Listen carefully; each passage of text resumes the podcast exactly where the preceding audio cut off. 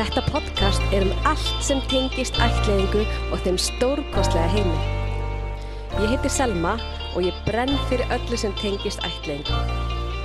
Ég lifi í þessum heimi sjálf og ég og maðurinn minn ætliðum són okkar frá Tjekklandi árið 2016 og síðan þá hefur lífið heldur betur breyst til hins betra og verið lærdomsvikt. Og við erum að upplifa og hrærast inn í heimi sem að ekkert svo margir er að hrærast í. Þetta er heimur sem er mikilvægt að opna fyrir og tala opinskátt og í hrinskilni um allt sem því tengist. Allt þetta góða, erfiða, hræðilega, skemmtilega og allan tilfinningar úsipannan sem þetta ferli er. Með þessu podcasti langar mig að miðla öllu því sem ég sjálf hefði vilja heyra og fræðast um þegar ég var að byrja í öllu ferlinu. Nú er ekki að þetta neina býða og við skulum vinda okkur í þáttinn. Ok, við erum komin heim og nú byrja ballið. Núna eru við litla fjölskyldan að læra að lifa saman en ekki bara að reyna að lifa af hvert dag út í Tjekklandi. Við erum komin til Íslands í íbúðun okkar og erum í geggja þægilegu rúmi sem er ekki með hólu í, sem ég er ekki búin að brjóta og það er bara alveg að koma jól. Við höfðum bara sömu rútínu og út í Tjekklandi nema djöfilega gott að vera komin heim sítt, bara að vera með kaffivél inn í íbúðinni. Það er bara game changer sko, það var náttúrulega ekkert svoleiðis út í Tjekklandi, það var bara eitthvað instant kaffi sem er ógeð. Þannig að maður þurfti alltaf að fara á kaffihús til þess að ná sér í kaffibotla sko. Og þetta er bara eitthvað svona lítill luxus að vera með kaffi og geta bara alltaf fengið sér kaffi á mótnana og eitthvað Þetta er bara það sem ég elskaði að vakna með þessu litla krútimóla þarna alltaf í stuði. Og hann vaknaði alltaf hlæjandi og brórsandi og það var svo gaman hjá hann alltaf til í daginn bara strax. Og vakna saman og fá sér kaffi og morgumat og, og leika og eitthvað horfa teiknimyndir og svona. Bara indislegt vá hvað það var næs Já, við ákveðum bara að hafa allt mjög rólegt og það er líka ráðlagt öllum sem eru að ætlega bann að heimilið þarf að vera gríðastadur og þarf að vera rosalega mikið öryggi fyrir bannið. Þannig að heimilið þarf að vera rólegt og við þurfum að hafa fulla stjórn á gestagangi. Þetta er svona alveg eins og nýbakar fóreldrar sem að fæða bannið sitt og eru komið lítið unga bann heim það þarf að passa að það sé ekki bara endrast að fólk að koma, batnið þarf að vera vel stemt og út kvílt og fóreldrarnir líka. Og þetta er bara svolítið eins og það. Uh, nema aðeins öðru sé að sjálfsögðu. En þú veist, svona svip, svipa dæmi. En það þarf náttúrulega aðlega batnið að heimilinu og aðlega batnið að öllu fólkinu sem að eru í lífan sem að þarf að kynnast Og það er náttúrulega mikið fólk og þessi börn er ekki vön að eiga mikið fólk að nema bara öll börnin á barnaheimilinu og starfsfólki þar. Svo á sama tíma er barnið að læra að eiga mömmu og pappa. Og hvernig læri barnið að eiga mömmu og pappa? Það er nefnilega alveg hægt að kenna það. Og við kennum það með því að við tvö erum þau einu sem meg að sjá um allar grunnþarfir batsins. Og grunnþarfirnar eru matur og þósir og klæða og allt þetta. Þannig að við þurftum að mata batnið, hann var tveggjara og helst að matan. Að því bara það að mata bat þá kemur svo djúb tenging og læra það að mamma og pappi gefa þeim mat. Við þurfum að baðan og klæðan og mamma og pappi gera það. Þá lærist með tímanum og ef að barni gefur frá sér eitthver hljóð, eitthvað bara veist, öskur eða grátur eða bara eitthvað, að við bregðust alltaf við og komum til hans. Og það er rosalega mikilvægt að við komum alltaf, líku við við hvað hljóð sem er, bara hann, hann viti að já ok, ég er að gefa frá mér hljóð og þau kom alltaf og mæta mér og hugga mig eða taka mig upp eða eitthvað svoleiðis við bara eitthvað hljóð að því að hann til dæmis var á badnaheimili og þar er ekki sinn þessum þörfum. Þú veist, eins og nóttinni, ég er ekki sjálflega vissum að þó, með, þó mér langi að ímynda mig það að það hafi verið bara luxus og alltaf verið synd börnunum á nóttinni ef þau voru að gráta. En svo sá maður alls konar ummerki þess að það er bara ekki raunin. Þannig að við þurfum að vera svolítið ekstrím í þessu að bara hann er bara eitthvað gæltandi, ekki þessi hundur, oh my god. Hann er bara eitthvað að leika sér og öskrar eða gerir eitthvað svona lítið hljóð og þá bara komum við mætum við á staðin. Af því að börnum á batnaheimili er ekki synd svona. Eins ræðilegt að það er og þetta er bara rosalega mikilvæg, mikilvægt að sinna hjá börnum og það er svo allir fóreldra að gera. Ef að batni grætur nóttinni þá faraði til þeirra. Það er rosalega erfitt að hugsa til þess að hann hafi verið að gráta nóttinni og það kom kannski enginn til hans. En það sá maður að líka bara fyrstu dagana úti þegar við vorum komin með hann alveg til okkar. Þá lág hann bara í rúminu sinu og beigð með opinu augu. En lág reyndar ekki í rúminu sinu, hann lág í rúminu okkar. Og beigð eftir að við myndum vakna. Hann var ekki að gefa frá sér hljóð, hann var ekki að gera neitt nema bara að sitja eða liggja og býða eftir að við myndum taka eftir því að hann var í vakandi. Og þá er maður bara svona, já, ok, vá. Hann hefur bara, einmitt þurft að liggja bara á býða því að það er bara, þú veist uh, allt reynd að hafa sem einfaldast þegar þú ert að vinna á batnaheimili, þá bara fer að sofa klukka sjö og svo ertu bara sóttur klukkan átta eða eitthvað morgunin og það er ekkert þú veist, þessi fari ekkert að fara fyrir fram úr og þessi og þessi að því að hann var vaknaður undan eða að gráta eða eitthvað, það er bara, það er bara allir eins. Og þá bara liggja börnin og býða. En já, hann er að læra að eiga, hann er að læra að eiga mömmu og pappa og það tekur tíma, það getur tekið ágætist tíma og líka bara við að læra að vera foreldrar, bara að læra að, að allt þetta hlutverk að koma svo inn í kerfið okkar. Það tekur tíma að þetta verður bara svona ósjálfrátt hlutverk, að maður bara, þú veist, lifi og hærist í þessu á þess að þurfa að hugsa. Mér fannst að pínu svona eh, bara áskorun sko að vera mamma. Gekki að vera mamma. En já, við skömmtum heimsóknir og svona og fórum vel í þetta. Svo bara jólinn og þau voru bara mjög róleg. Og áramótin, það var ég var svona mest stressið fyrir þeim að því það er náttúrulega brjálaðar sprengingar hérna en það gekk bara eins og í sögu. Við fórum þess að til mamma og pappa í mat og svo fórum við bara heim og sofa á vennilegum tíma. Við heldum alltaf rútínunni. Sama þótt þetta varu breyttir öðruvísi dagur og sliðis. Það bara alltaf sama rútína. Nefn að við fórum bara í mat til mamma og pappa í staðin.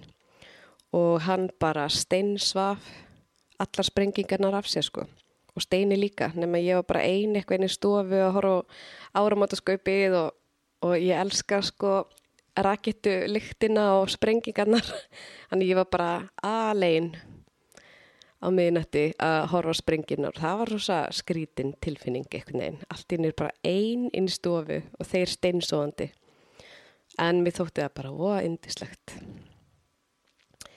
svo tekur svo kemur í janúar. Og í janúar þá bara byrja Steini að vinna og ég er í fæðingarólafi og ég er einn í fæðingarólafi. Mér fannst erfitt að vera einn í fæðingarólafi og það tók við alls konar skrítnar tilfinningar. Og þetta er svo mikið bara allir tímar í þessu ferli og í þessari aðlögun og allt þetta. Það er svo mikið sem að mar margar og flóknar tilfinningar sem að maður er að takast á við. Og ekki bara ég, en alltaf batni líka. Batni er í fyrsta lagi að upplifa alls konar sorgaferli, alls konar trama úrvinnslu og bara áföll og ég veit ekki hvað og hvað og aðlaga batnið af öll eitthvað neinn. Það er svakalega sem batnið er að gangi í gegnum og sama tíma er maður sjálfur að gangi gegnum alls konar, að vinna úr alls konar flóknum tilfinningum. Þegar ég byrja að vera eini fæðingarólafi þá náttúrulega í fyrsta lagi bara frekar leiðilegu mánuður sko. Það er náttúrulega umrætt viður, óslega vond viður, allir að vinna, óslega dimt og ég uppliði mig svakalega eina í heiminum. Mér fannst ég vera svo einn og þetta var svo erfitt að því að ég fekk svo mikið samviskubitt að líða svona. Að því að allir drauma mínar hafði ræst. Ég hef búin að eignast það sem ég þráði mest í öllum heiminum.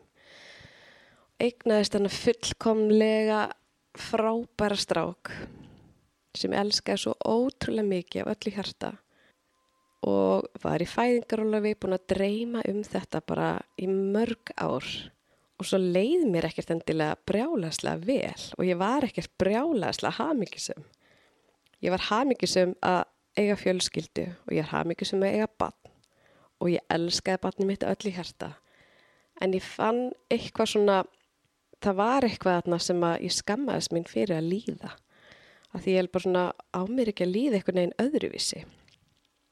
Að mér fannst ég eiga að líða einhvern veginn og að ég væri ekki að líða rétt ef að það meika sens Já, og mér fannst það fyrir eitthvað flókið og mér fannst það erfitt.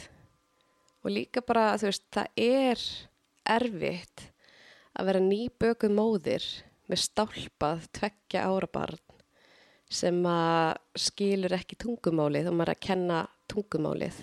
Maður er að kenna það. Barni er líka í áfalli og óurugt og hrætt og það er líka að kynast þér.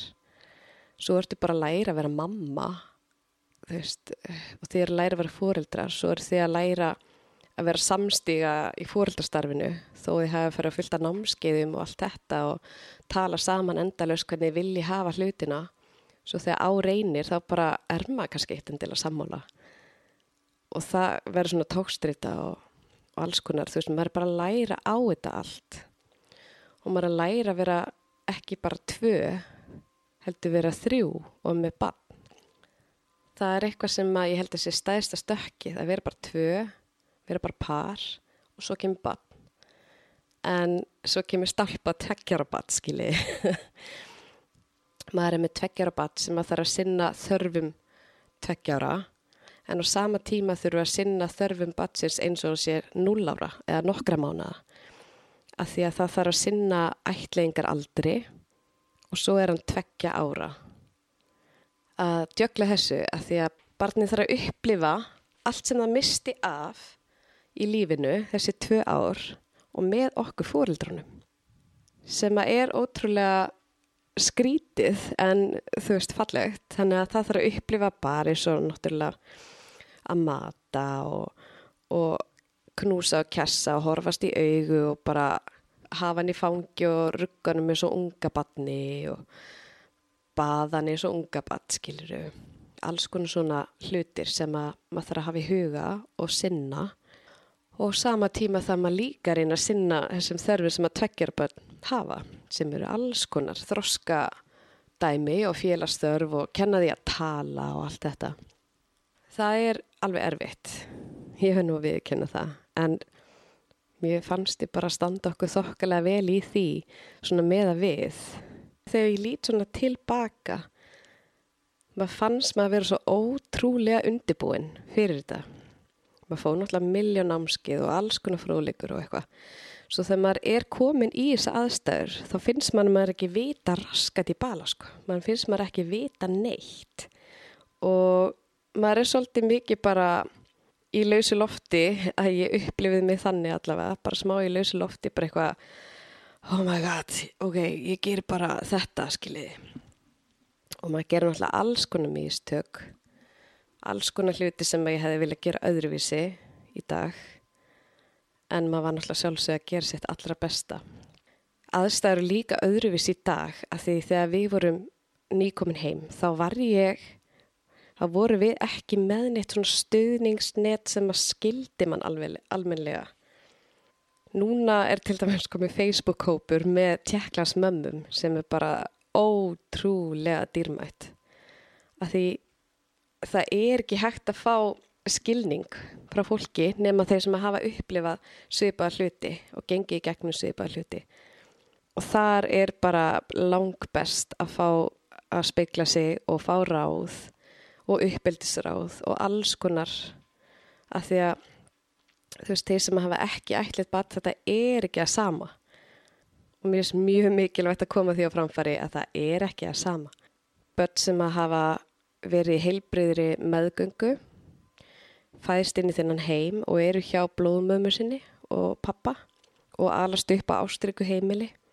Það er ekki að sama og ætlitt barn sem var kannski ekki í heilbriðri meðgöngu, var rifið upp frá blóðmömmu sinni, sett á stopnun, vaktaskipti, vannræksla og ætlitt.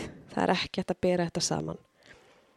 En já, uh, draumið mér rættist og ég eignaði spann.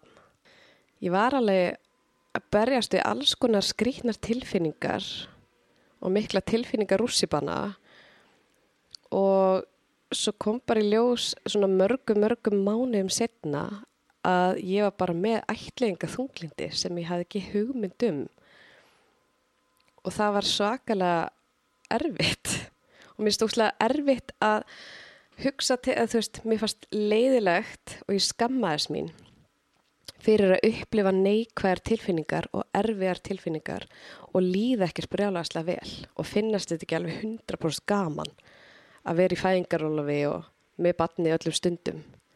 Og þá fekk ég bila samvinskupitt, bara mér á ekki að líða svona, mér á að líða svona, vera bara ógeðslega glöð og gaman alltaf. Maður setur náttúrulega svakalega pressu á sig sem fóreldri, ætleitsbarns, að því maður er búin að fara í miljón, maður er sko með gæðastimpil sem fóreldri. Þú þarfst að fara í svo mörg sálfræðipróf, alls konar skýslur gerðar um þig og þú þarfst að vera tipp-topp fóreldri til þess að fá að eigna spann. Þannig að ég er með gæðastimpilinn sem ég er bara mjög stolt af. En þú er með hana gæðastimpil og svo bara líður ekkert endilega brjálaslega vel. En þið líður þess að eigir að vera bara alltaf í parti ástandi og þetta er svo geggjað og æðislegt alltaf. Og svo peppuði að takast á við þessar áskoranir og þessa erfileika og bara djöðlir til í þetta sko. Og svo er það ekki endilega málið.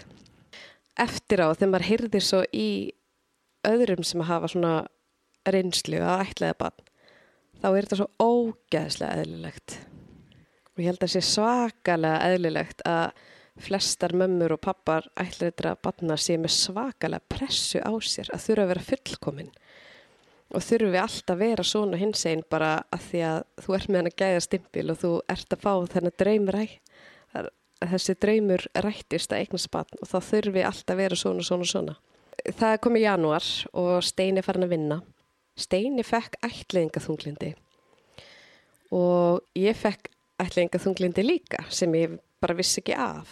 Og ég vissi reyndar ekkert heldur að hann var í líka með svona þunglindi og hans þunglindi, eða svona hans ætlinga þunglindi var þannig að hann bara forðaðist að vera heima. Hún er fast erfitt að vera heima og fannst allt ógislega erfitt og mikil áskorun þannig að það var mikil forðun í því og bara þungur og leiði ekkert sjálfa vel og ég var alltaf heima og ég fekk bara mikil grátköst, ég fekk alls konar sorgaferli sem ég þurfti að fara í gegnum, alls konar sorgaferli tengt banninu og sirkja það að missa af þessum tveimur árin sem við mistum af saman. Ég var að sirkja ímislegt fyrir banni mitt, þú veist, bara alls konar sem hann misti af með okkur og, og hans bara svona uppruna einhvern veginn. Og ég fekk sorgaferli bara missa af fyrstu skrefunum, fyrstu tanntökunni, andökunætur, svo stu batni var veikt, þá var enginn til staðar og ég fekk bara alls konar svona sétt sem ég þurfti bara að gráta mig í gegnum. Og ég fekk mjög mikinn kvíða, ógeðslega vond og hræðilega kvíðaköst, bara daglega og grátköst þung og mér fannst ég bara ekki vera ég sjálf. Og ég, mér fannst ég einhvern veginn ekkert vita hvað ég var að gera. Og mér fannst ekki fór skilning frá neinum, náttúrulega þekkti engan þannig persónulega sem að hafi ætlitt bann sem að ég var að leita til. Og þá var Rút ekki komin til íslenska ætlingar nema bara að gera sem félagsrákjafi, að gera eftirfylgni skýrslur en ef að ég var að gera þetta í dag. Þá væri ég bara með rut á kantinum því hún vinnir núna hjá Íslenska ætlingu og er fjölskyldur ágjafi og alls konar svona geggjað og bara myndi sína manni allan heimsi stuðning. Í dag á ég fullt af vinkonum sem hafa ætlið börn og miklu betra tengslanit þar. Og það er bara ómyndilegt að vera með fólk sem skilur mann og veit hvað maður gangi gegnum og fá stuðningin þannig. Þannig að mér fannst þetta mjög erfið tími. Ég venn nú að viðkynna það. Og mér finnst pínu erfitt að viðkynna og mér finnst erfitt að, að ég hafi verið á svolítið dimmum stað í þessu frábara ferli. Mér finnst það bara mjög leðilegt og ég fæ alveg ennþá pínu saminskupið. Ég reyna að hætta því samt, bara vissi ekki betur. Svona leið mér og það er líka bara allt í lagi. En ég hefði kannski svona átt að vera bara með bóka tíma hjá sálfræðingum og við hefum bara átt að, veist, að hafa betra svona net til þess að grýpa mann þegar maður er komin heim sko.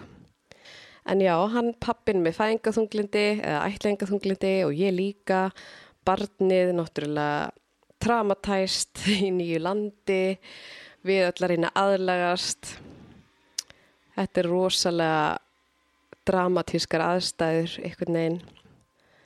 Það sem að bjargaði mér algjörlega, það er að ég var að vinna á leikskólanum Mánagarði og var náttúrulega fængaróla við, þannig ég var ekkert að vinna, en það er leiðið mér að mæta bara eins og ég vildi á leikskólan með batni mitt, bara til þess að batni myndi fá félagslegu þörfinu uppfyllt, félagsþörfinu uppfyllta og svona bara verið í kringum börn.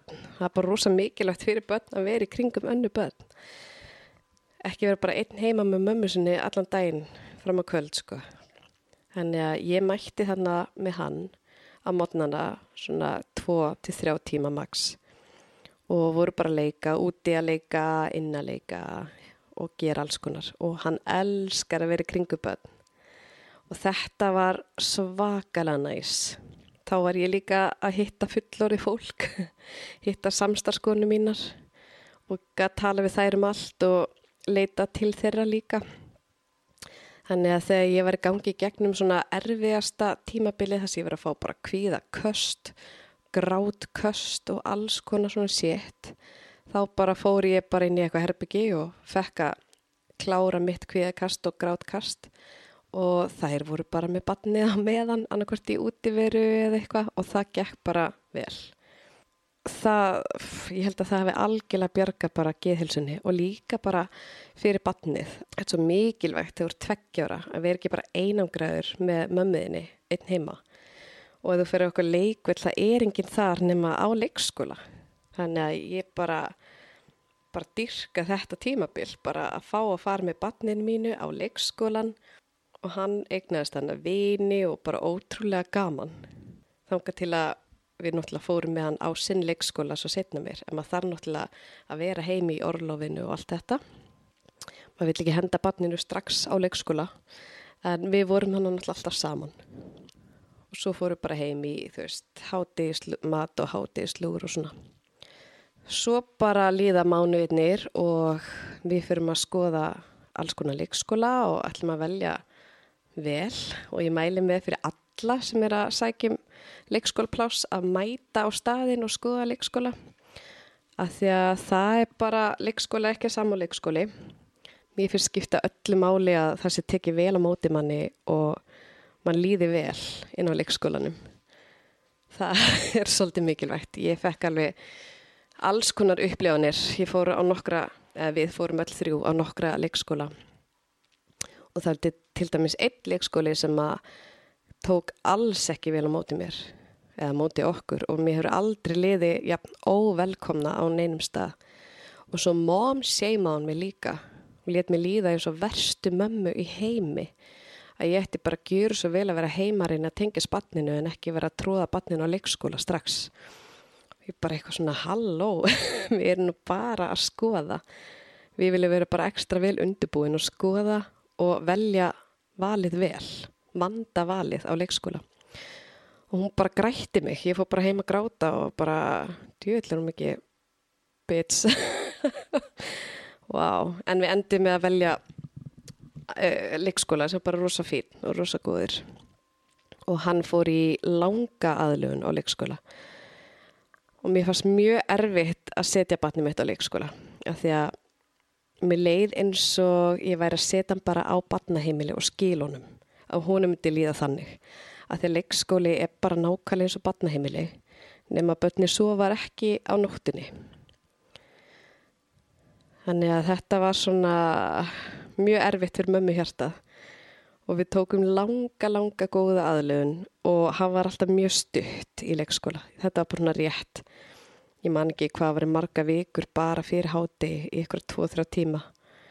Ég man ekki að fór bara hágráta fyrsta klukkutíma sem ég ætti að fara frá hann á leikskóla. Það var aðlöfinu var í ykkur ekst daga og svo kom að því að ég ætti að fara kannski klukkutíma eða eitthvað. Og ég fór bara beint inn til skólastjórans leikskólastjórans og bara grétt og hún, þú veist, ég fór bara inn á kaffistöðu, ég er ekki að fara neitt ég var inn á leikskólinum og ég bara grétt og grétt og grétt og ég er bara, mér líður eins og ég sé að eins og honum líði að ég sé að skila sér á badnaheimili og hún kom með svo geggjaðan punkt hún er alltaf bara indislega þessi kona. Og hún er bara já, ég skil það vel. Og svo bara en pældi því, barnið þú veist, ef maður verður hrættur allt þetta hann þarf líka að fá að upplifa erfiðar tilfinningar. Og líka til þess að vita svo, svo kemur að sækjan og þannig lærist það örgla og alveg rétt börnið þurfa líka að fá að upplifa alls konar og vinna úr sjálf. Veist, það má ekki vernda þig of mikið fyrir einhverjum erfiðum tilfinningum og erfiðum áskorunum sko. maður þarf að leifa þeim að, að díla við og gangi gegnum til þess að læra á þeim svo bara líða dagarnir og svo bara allt ín eru búin að vera fjölskylda í ár. Og það er alveg magna hvað þetta líður einhvern veginn rætt og hann er bara algjör stuðbolti. Fjörkálfur ótrúlega ástríkur og gladur og skemmtilegur, fyndin, ótrúlega klár, hann var sjúglega fljótur að læra ísleskuna, ótrúlega duglegur strákur og váka búið að gaman að vera mammans, búið ógeðslega gaman. Lókar að aðeins að gera annan þátt svo setna um þennan lið sérstaklega. Og það eru kannski jafnvel fleiri þætti eða eitthvað, þetta er nefnilega svolítið merkilegt svolítið stórt topic. En það er bara trama og hvernig áföll hafa áhrif á heilan og heilastarsimina og allt högakerfið og bara líkamann og tengslarof eða tengslaröskun, tengslavandi allt sem tengist eða er eitthvað erfileikar í teng, tengslum í æsku þá eru engininn þeir sömu og þau ert einhverfur eða ADHD. Þannig að stundum er, eru rángreint með einhverfu eða ADHD en er í rauninu með tengsla vanda eða tengslaröskun, eitthvað svo leiðis. Og maður svona vissi alveg svona að þessu. Er svo svolítið merkilegt að sjá þetta bara svona í beitni útsendingu með þitt barn. Bara sjá tengsla vandan sem að batni er einhvern veginn að vinna úr. Uh, til þess að koma í dæmi þá var hann til dæmis bara með nokkra svona mjög engverfilegar hegð, hegðanir. Hann var með bíl sem hann bara lág hann annarkvort að maganum með lítinn bíl og kerði fram og tilbaka fram og tilbaka, fram og tilbaka. Og verið ekki hægt að ná sambandi við hann. Hann bara hlustaði ekki, heyrði ekki sá ekkert, var bara með hennar bíl, kannski hillingi. Stundi var með hennar bíl að lappa kringu rúmi okkar og keira svona á rúminu. Og það var ekki eftir að ná sambandi við hennar með hann, hann var bara svona du du du du du. Og svo líka satan fyrir fram að þvóttavilna, að horfa á þvóttavilna þegar hún var í gangi og starði á hana og þetta var bara eins og mesta skemmtilegsta sjóasefni bara lífsans fannst þetta bara gegja, satt og starði og starði og starði á þvóttavélina og þetta er svona einhverfulegar hægðanir en svo ógsetta af honum.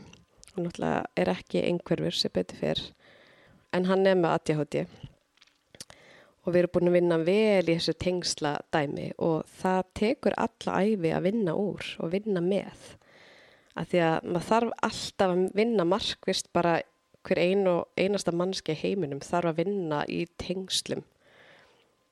Að því það er alveg hægt að fá röskun í því ykkur tíman eða það er ykkur róf á tengingu. En ég er ekki fagmaður í þessu. Ég er bara búin að lesa mig eitthvað til og eitthvað svona og sjá þetta gerast í bytni en mér langar rosalega að tala um þetta sérstaklega og við eitthvað sem er rosa fróðir í þessu málum sko.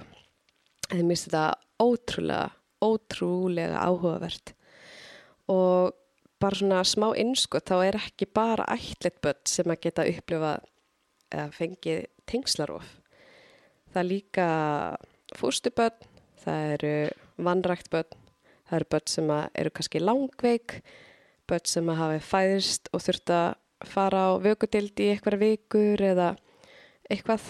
Það getur alveg upplifað tengslarof, þessi börn. Þannig að það er mjög merkilegt og bara ef þú lendir í eitthvað svaka áfalli og eða mamma eða eitthvað verður skindilega veik og getur ekki hugsað um þig eða eitthvað, þá getur líka upplifað tengslarof. Þannig að mér langar að kafinni þetta betur með einhverjum frábærum viðmælanda sem að kanni þetta almenlega. Og bara svona hamra því að ég bara tala út frá mér, mínum upplifunum og minnir einslu og svo getur þetta verið svo fjölbreytt og öðruvísi á milli fólks, bara allt, allt ferlið og allar tilfinningarnar og allar öll líðan bara, þú veist. Þannig ég get náttúrulega sjálfsög bara að tala út frá mér Þannig að þetta er ekki svona sama sem að allir þurfa að upplifa ætlingaþunglindi eða allir muni ætliða, nei, allir muni ætliða, að allir muni upplifa, þú veist, þetta sé erfitt og þetta sé erfitt og þetta sé svona og svona. Það er bara hvernig mér leið og hvaða ég uppliði. Og ég er bara nokkuð vissum að einhverju geta tengt við þetta.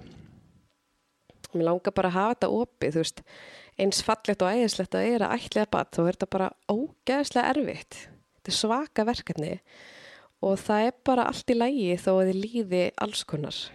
Og stundum líðir ekkert vel með þetta. Stundum er þetta ógeðslega erfitt og þú bara sér ekki hvernig þú ætti eftir að komast í gegnum einhverja hluti og það er bara allt í lægi og þú kemst alltaf í gegnum það. Þú mynd alltaf finna leiðir og alltaf líða betur. Ég og Steini vorum í svaka afneitun fyrsta árið. Við vorum í afneitun að batni okkar væri með tengslarof, tengslaröskun. Við vorum í afneitun að bara að bakgrunni batsis hefði alveg svona svakalega áhrif og við vorum í afneitun með batnaheimilið til dæmis. Bara við vorum búin að ákveða það að því að hann tengdist einni fóstrunni svo vel að þá væri ekkert vandamál og við erum búin að ákveða að batnaheimili var svo frábært að hann væri ekki með neina afleggingar þess. Þetta var örgla eitthvað svona survival dæmi í heilan með okkur sko. Bara að fæðra hlutina alveg svakalega til þess að bara að vernda okkur einhvern veginn. Svo las ég bók, fórum í sumabústað og ég var að lesa bók sem heitir Máttur tengslana og þar eru alls konar, þetta er rosa góð bók, þetta er bara að tala um alls konar eh, tengsl og bara aðstæður batna og, og eitthvað svona. Og svona hegðanir sem að geta átt sér stað eða eitthvað í fari batsin sem að getur komið upp sem að er kannski aflegging tengslavanda eða tengsla eitthvað. Og ég man ég var að lesa var eitthvað svona tjekklisti og ég eitthvað bara svona ok, tjekka í svolítið mörgboks með batnum mitt. Bara já. Veist, hamstra mat til dæmis það er enginni þess að batnið sé áfalli og kannski fá ekki mat. Þú veist, ótti við það að uh, veit ekki hvernig þú fær að borða. Og þá hamstra börn mat. Hann hamstraði þannig að þegar við gáum hann að borða þá faldi hann mat inn í munninu sínum einhvern veginn og gemdi mat í munnunum og svo eftir kannski klukkutíma tvo þá allt í hún sá maður að hann var að smjatta á ykkur og þá var þetta bara maturinn síðan í hátinu og þá var hann að geima svona forða mat inn í muninu sínum. Og sumir sem er kannski eldri þá voru bara að fela mat eitthvað staðar inn á sér eða undir rúmi eða eitthvað. Og þetta er allt bara svona survival mode að passa að þau séu með mat af því að kannski vita ekki hvernig fá næsta borða þú veist, ég man ég tók alveg eftir þessu þegar maður að hamstra mat þannig út í Tjekklandi gerði það aðalega þar. En þegar ég lasi þessa bók að bara svona, vá, já ok, hann að gera þetta út af þessu. Maður var eitthvað svo mikið í eigin heimi bara að reyna að hafa allt svo fallegt og frábært. Maður vildi ekki að neitt myndi skikja á þetta ferli og, og batni eitt eitthvað neinn að það væri eitthvað erfileikar gangi. Maður bara vildi ekki að það væri til já og svo náttúrulega alls konar svona hegðanir er svo að stimma sig á eitthvað hátt svona eins og sem einhver börn gera. Það er líka svona afleðing af áfalli og tengsla róf og hann gerði það með svona einhverfum leikjum, svona með bílinn sem hann var alltaf með, bara hægri vinstri, hægri vinstri, bara endalust eða horfa þóttavilina og starra á hana kannski klukkutíma. Og já, svona alls konar svona dæmi sem að ég bara svona, vá, ok, og þá þurfti ég bara að fara í eitthvað svaka uh, grát uh, dæmi, ég bara þurfti að gráta það út og bara finna til og fann svo til með barninu mínu, bara oh my god, að hann þurfti að upplifa eitthvað svona og þetta er aflenga þess. Mér finnst ég voða dramatísk og tala eitthvað voða neikvægt, en þetta er, þetta er ekki neikvægt, það er ekki neikvægt að ætla að bat, sko. Ég bara, er bara að segja, það er náttúrulega alls konar erfiðleikar sem koma upp. Og maður það bara einhvern veginn að vera tilbúin í þetta og bara meðvitaður. Og þetta er allt þú veist, ég er bara svona að segja hluti sem ég hefði viljað vita eða heyra, þú veist, og ég vissi þetta í rauninni allt, en mér langar bara, bara ef að einhver hefur gott að því að heyra eitthvað svona og hefur kannski upplifað svipað og þá bara er svo gott að spekla sig í einhverjum öðrum, bara já, ég er ekki einn, ég er ekki einn að líða svona eða einn að díla við eitthvað svona. Og líka bara það er að vinna með þetta allt. Það er hægt að hjálpa bönnunum í gegnum bara nánast allt sko. Þannig að þú veist þó svo hann hafi upplifað svona svona svona og verið að gangi í gegnum alls konar þá bara til þess að sína ljósa pún þá er hann núna átt ára og er að blómstra og alveg hættur lungu, lungu, lungu hættur sem einhverju hegðunum og lungu hættur að stimma sig og allt þetta Þa, það var bara tímabill og við bara unnum sérstaklega með að efla þessi tengsl til þess að hjálpa honum og vera bara alltaf til staðar. Hann kann alveg að mömmu og pappa núna sko og hann kann líka alveg að spila með okkur sko. og hann er bara að blómstra, ótrúlega góði vinur og skemmtilegur og á áhuga mál og íþróttakálfur, alltaf í fókbalta og handbalta og, og ótrúlega klár og góðhjartaður og einlegur lítill strömpur sko. Stór strömpur, hann er að stækka svo svakalega. Þannig það er, þú veist, talum það kannski setna líka. En ég vildi bara aðeins koma á fyrsta árið, þetta er búið að vera alls konar þetta ár. Og þannig er maður bara svona að læra að vera fjölskylda og læra að takast á við allt lífið